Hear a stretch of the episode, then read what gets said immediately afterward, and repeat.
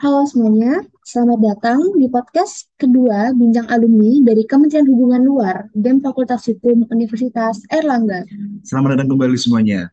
Di sesi podcast Bincang Alumni kali ini bakal ditemenin sama aku Jokin dari Angkatan 21. Dan aku Sania dari Angkatan 2022. Pada kesempatan kali ini, kita bakal kumpas tuntas nih how to be the next level student bersama narasumber kita yang merupakan alumni FH UNER Angkatan 2016 dan beliau juga merupakan mahasiswa berprestasi FH UNER. Ya oke, udah hadir nih di tengah-tengah podcast kita. Beliau adalah Kak Sofi Uma. Halo Kak Sofi. Halo Kak Sofi. Halo, halo semuanya. Gimana nih kabarnya Kak Sofi sekarang? Iya, alhamdulillah sehat-sehat aja. Eh, dari Jokin sama Sania gimana nih kabarnya? Alhamdulillah dari aku sendiri Sania juga baik Kak. Aku juga baik Kak, alhamdulillah. Sip, sip. Kalau boleh tahu nih Kak Sofi, lagi sibuk apa sekarang ini? Em, kalau ditanya kesibukan, sebenarnya kesibukannya ya yang utama pasti kerja ya.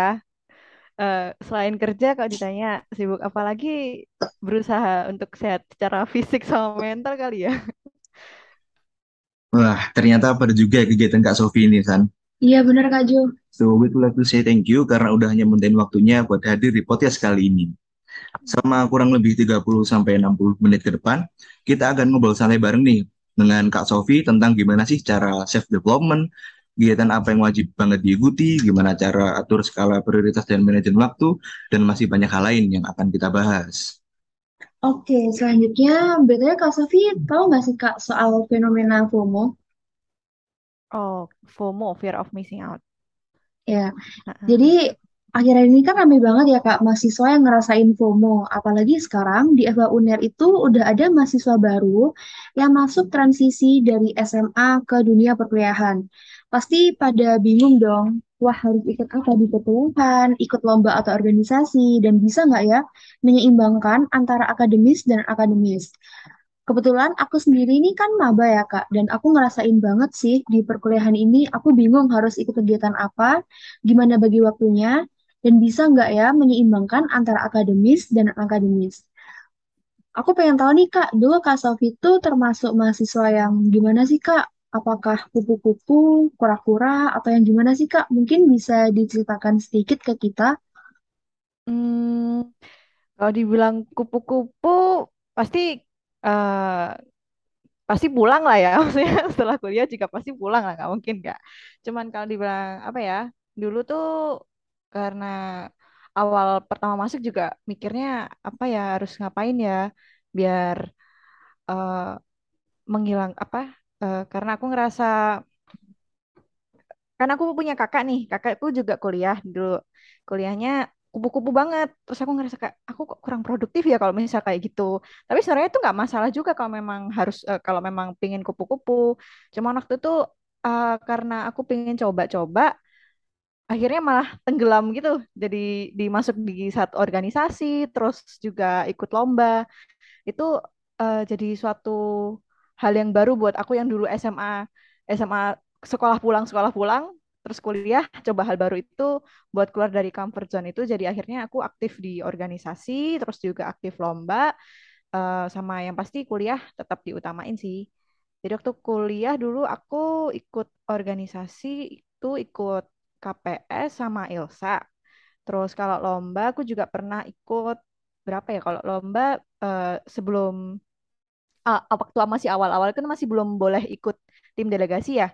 Jadi waktu awal-awal itu ikutnya lomba internal eh, kayak Inmood saat sama Internation. In- ya pernah ikut itu terus baru setelah semester 3 ke atas itu baru diboleh semester 3 atau semester 3 ke atas itu baru dibolehin untuk ikut tim delegasi itu lomba ikut ILS eh, ikut IMLAM sama Philips Jesap waktu itu.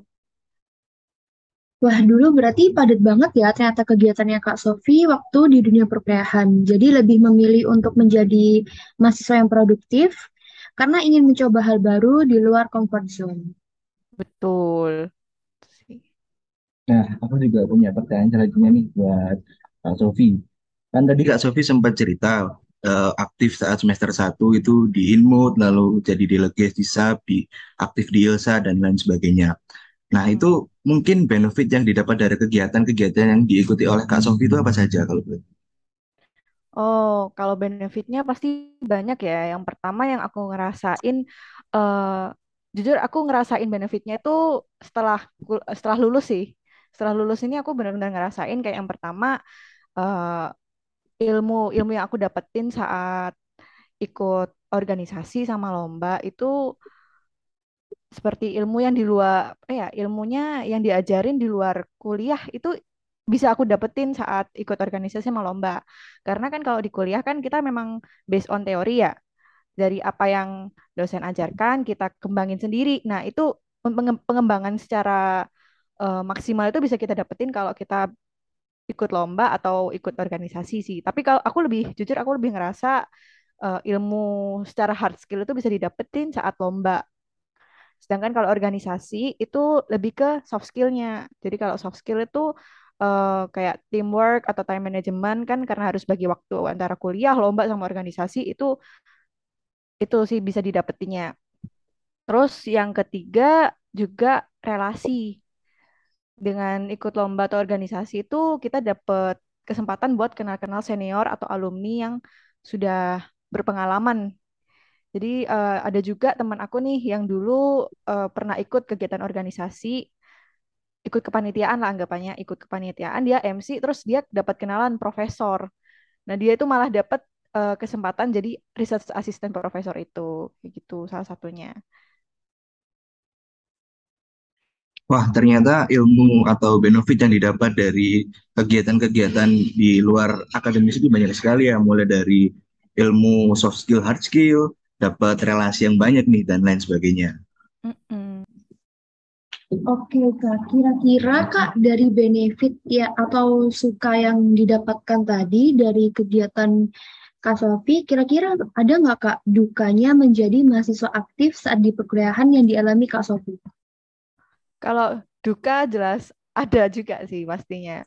Yang pasti eh, ketika ikut lomba kan karena interval eh, apa waktu lomba itu kan periodenya waktu liburan. Jadi aku benar-benar nggak ngerasain eh, liburan semester karena waktu itu harus prepare buat lomba. Terus malah ada yang lombanya memang dia timingnya saat liburan semester dan ada juga waktu itu eh, aku harus apa ini namanya ngerelain ujian ngerelain uj- ujian bareng teman-teman itu jadi harus ikut susulan karena ikut lomba atau persiapan lomba kayak gitu.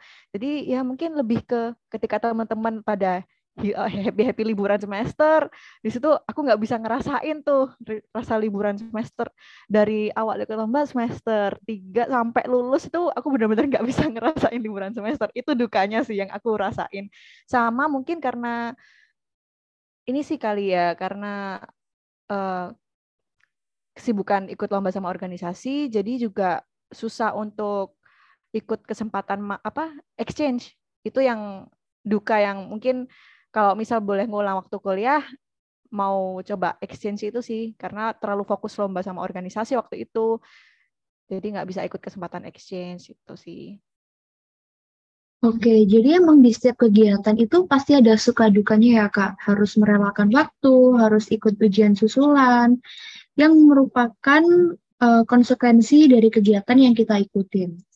Bener. Jadi emang ya namanya juga hidup yang kan kita nggak bisa minta enaknya terus pasti ada pengorbanan buat dapet eh, dapat hal lain lah. Tapi menurut aku eh, itu hal yang worth to try sih karena aku baru ngerasain benefitnya waktu eh, setelah lulus ini sih kayak ilmu yang aku dapetin terus kayak soft skill karena kalau misal aku dulu memilih untuk pasif kayak SMA kayaknya aku nggak bisa mendapatkan teman-teman atau relasi yang cukup baik atau misal soft skill yang aku dapetin sekarang ini benar-benar kerasa waktu kerja sih. Oke, jadi it's okay ya Kak ngerasain dukanya, karena kita juga dapat benefit yang worth it. betul betul sekali. Oke, untuk selanjutnya nih Kak, Mungkin Kak Sofi bisa bagi tips-tips agar kita para mahasiswa ini bisa aktif di luar dunia akademis, tapi masih memiliki nilai akademis yang memuaskan. Oh, kalau tips-tips menurut aku kalau spesifik dari aku sih sebenarnya nggak ada ya. Kalau tapi kalau tips yang umumnya ya pasti niat sih niat dari niat dari diri masing-masing itu gimana niat dari pribadi sendiri gimana. Uh, kalau yang karena kan pekerjaan eh oh ya bukan pekerjaan sih kayak ke uh, kegiatan utama kita kan kuliah ya. Jadi sesibuk apa pun itu jangan sampai kuliah ditinggalin. Itu yang utama. Terus uh, mungkin lebih ke time management. Jadi time managementnya itu harus dibagi secara adil. Kalau misal kita uh, anaknya susah untuk mengatur waktu juga pasti bakal riwah lah nanti. Jadi kalau misal mau lebih teratur bisa tuh pakai journaling atau misal pakai aplikasi yang memudahkan kita untuk nge-track oh ini saatnya aku kayak gini dan mana yang prioritas utama harus aku selesaiin dulu kayak gitu.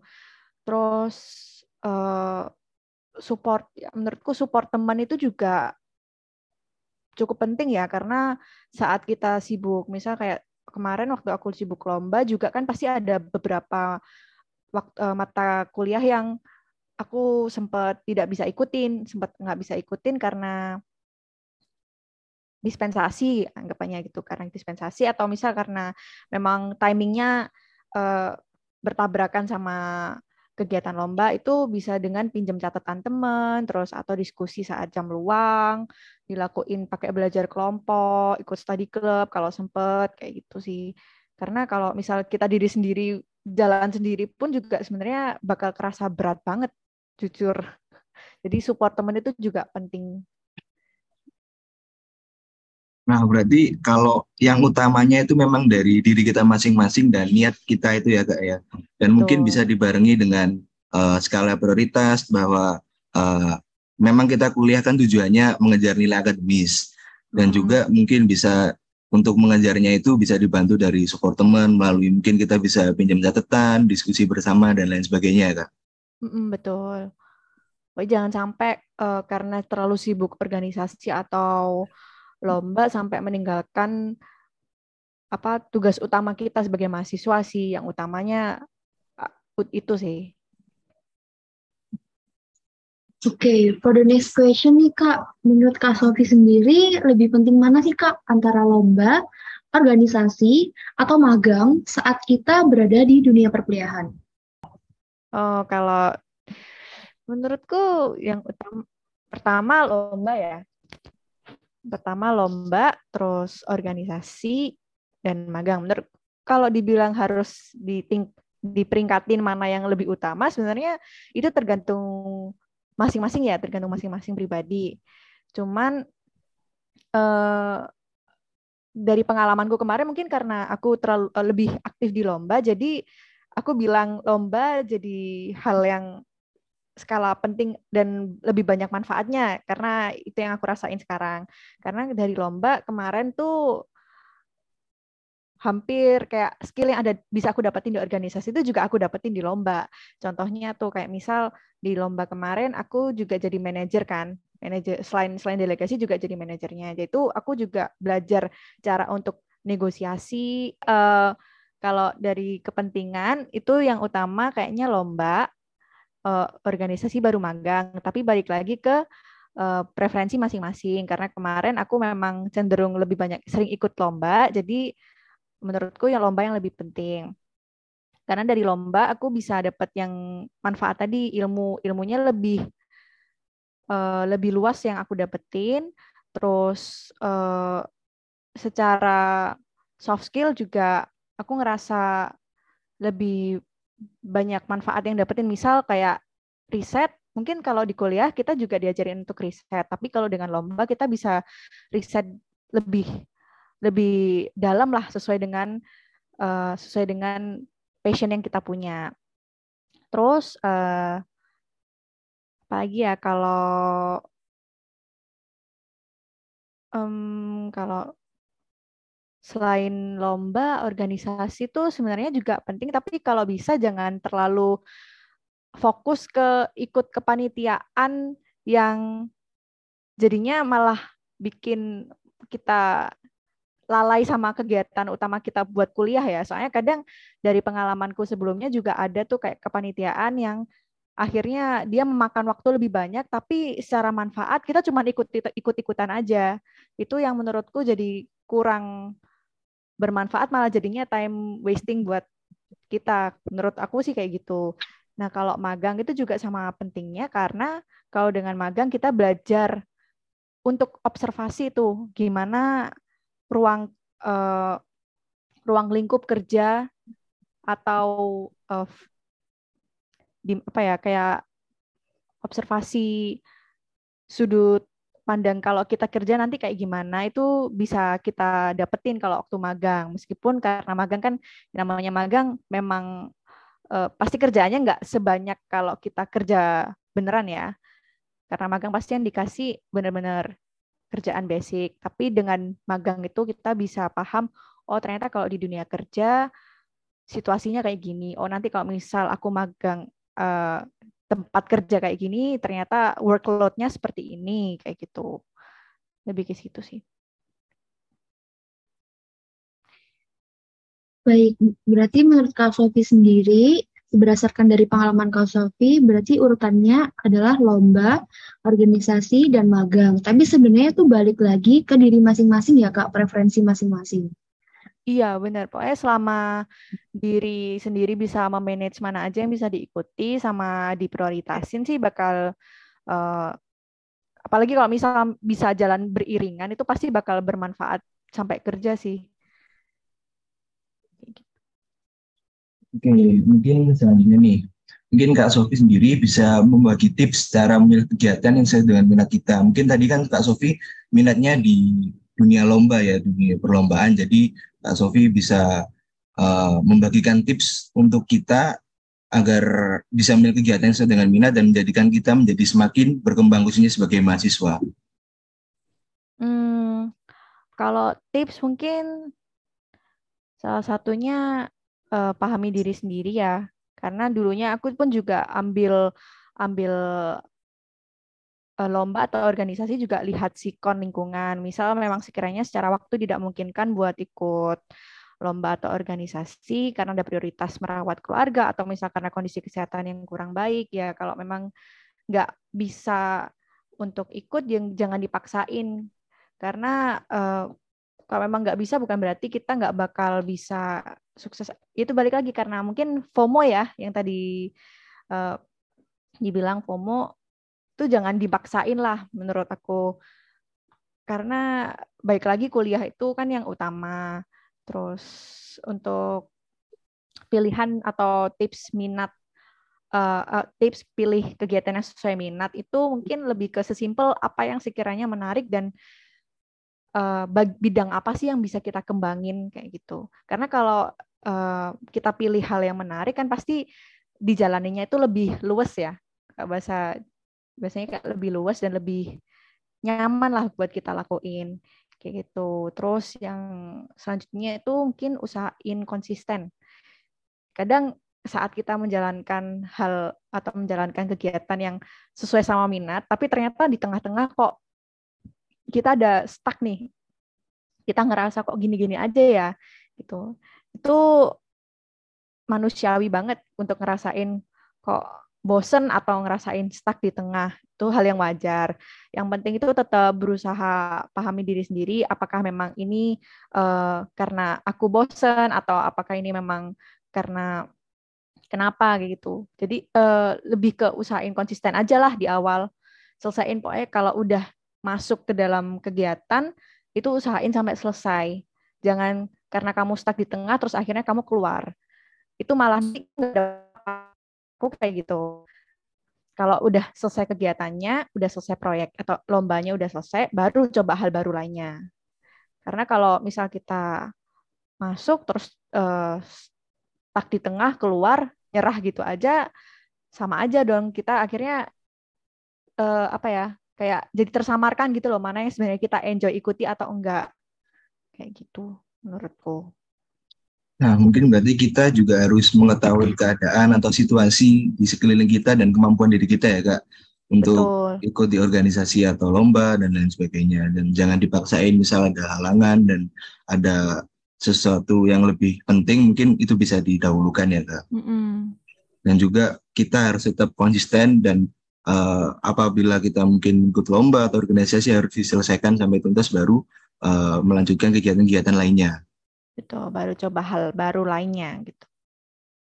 Nah, oke Kak, selanjutnya mengenai demotivated nih Kak. Kadang di perkuliahan tuh kan kita sering ngerasain demotivated ya Kak, atau penurunan rasa semangat. Kira-kira dulu Kak Sofi pernah nggak sih Kak ngerasain demotivated ini? Atau gimana sih Kak cara Kak Sofi em, menjaga semangat tersebut? Pasti ya, pasti pernah lah ngerasain rasa demotiv- demotivated, pasti pernah. Nah, itu kalau aku eh, saat ngerasa dimotiv- demotivasi gitu, aku istirahat sebentar. Jadi bukan berhenti ya, maksudnya kayak istirahat sebentar, eh, bener-bener eh, ber- apa memahami kondisi oh ternyata aku lagi capek, aku lagi pengen istirahat sebentar. Setelah kalau bisa tapi eh, istirahat sebentarnya jangan benar-benar melupakan kewajiban yang kita punya ya. Dengan nggak langsung maksudnya istirahat sebentar itu ya mungkin kayak ngelakuin hobi yang kita punya. Atau misal kita mau eh, apa ini namanya kayak kalau bahasa eh, recharge energy lah. Kita nge-recharge energi kita pakai ngobrol sama temen atau misal nonton atau misal di sela-sela waktu itu kita eh, main kayak gitu.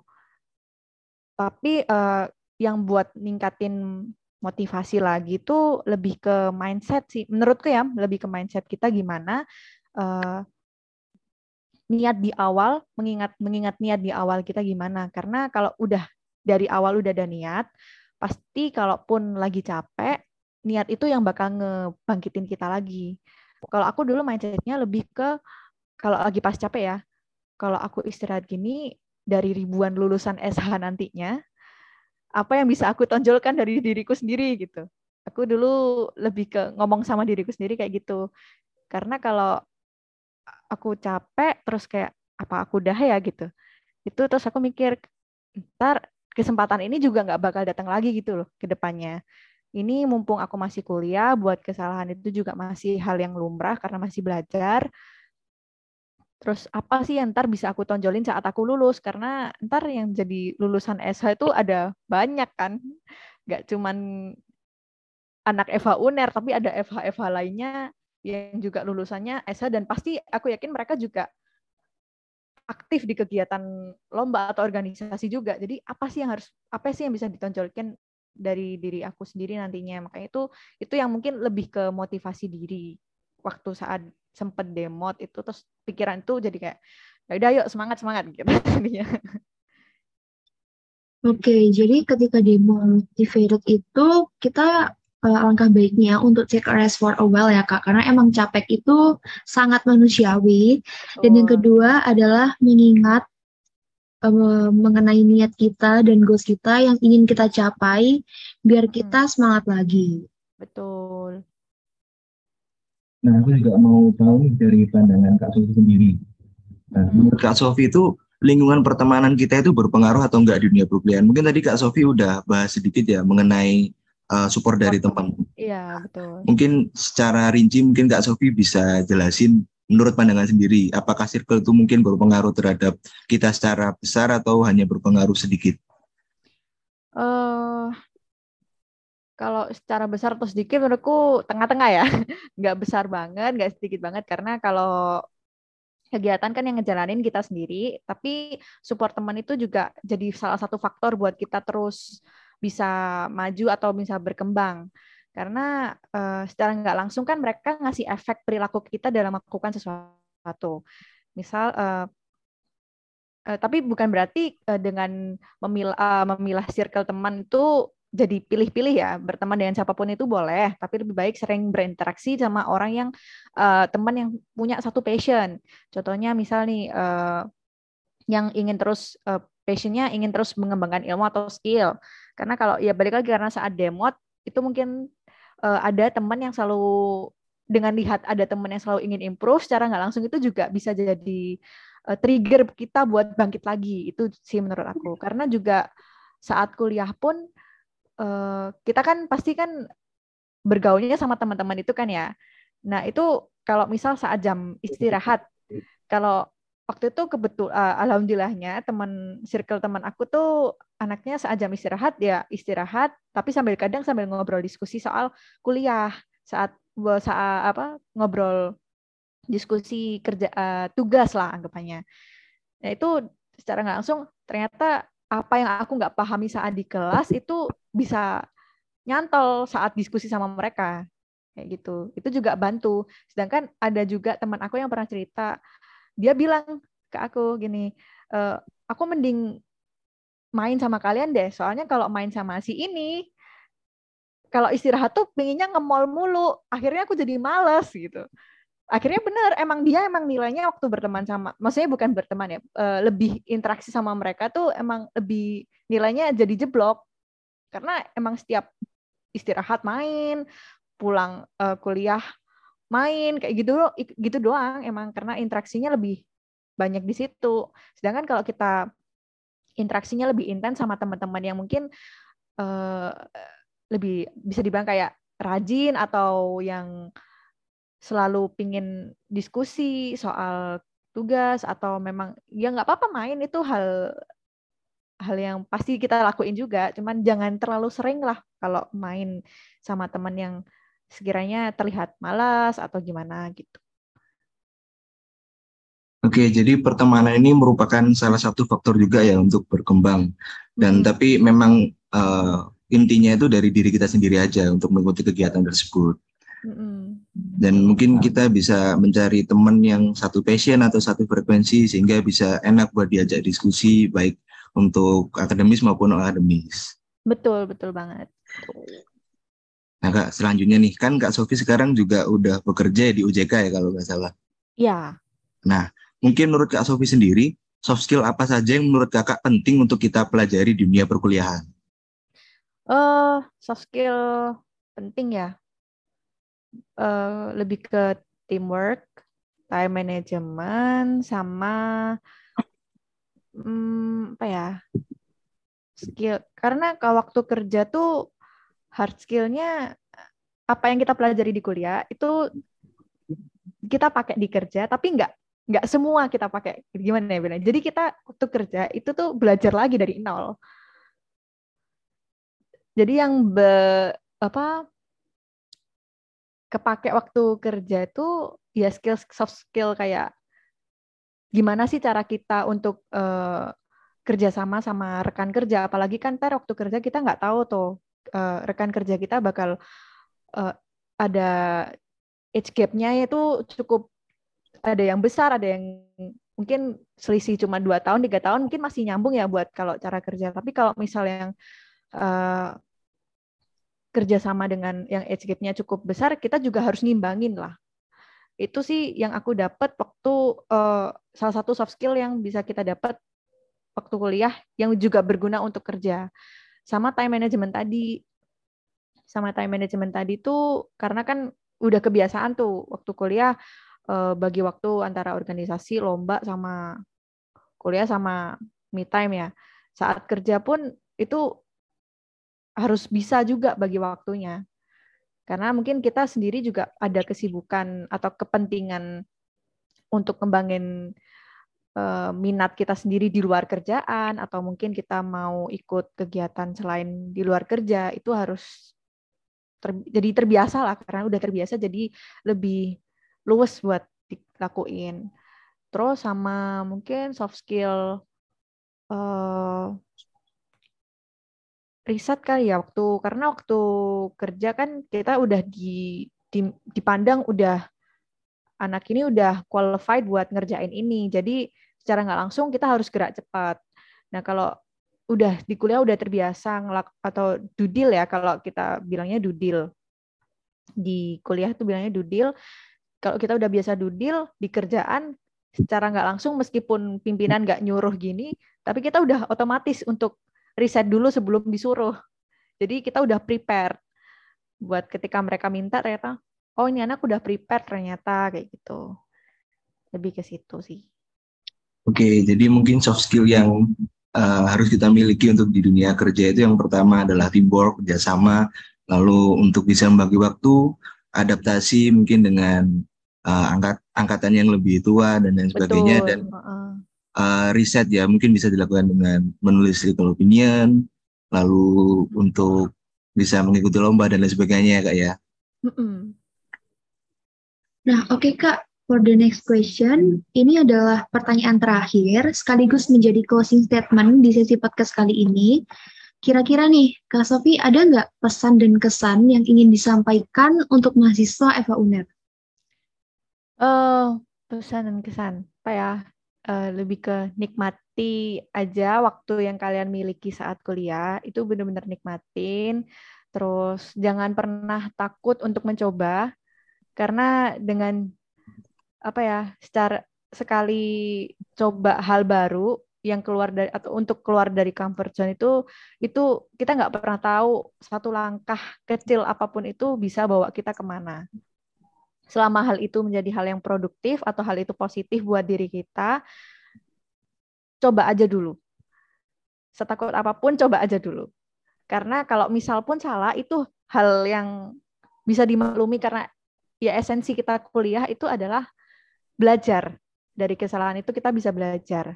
Pokoknya dicoba dulu selama itu positif dan atau, atau selama itu produktif coba dulu. Jangan pernah takut salah ya sama enjoy the moment karena masa kuliah itu masa yang paling menurut aku paling berharga Oke, jadi um, mungkin kita bisa nikmatin waktu, jangan takut mencoba, dan berusaha untuk keluar dari comfort zone dan berusaha untuk menjadi produktif. Karena kita nggak bakal tahu ya, Kak, hal-hal yang kita lakukan tuh bisa bawa kita ke mana, bisa ngasih benefit kita apa aja, gitu ya, Kak. Betul banget. Nah, karena udah terjawab pertanyaan terakhirnya, dari pembicaraan kita kali ini, pastinya teman-teman juga akan menggunakan dan mendapatkan banyak sekali insight yang tentunya bakal berguna buat ke depannya nih. Terima kasih sekali lagi untuk Kak Sofi sudah meluangkan waktunya di hari weekend untuk sharing-sharing pengalamannya di podcast kali ini. Semoga podcast ini bisa bermanfaat untuk teman-teman semua yang mendengarkan. Sampai, jumpa dan jangan lupa untuk mendengarkan podcast lainnya.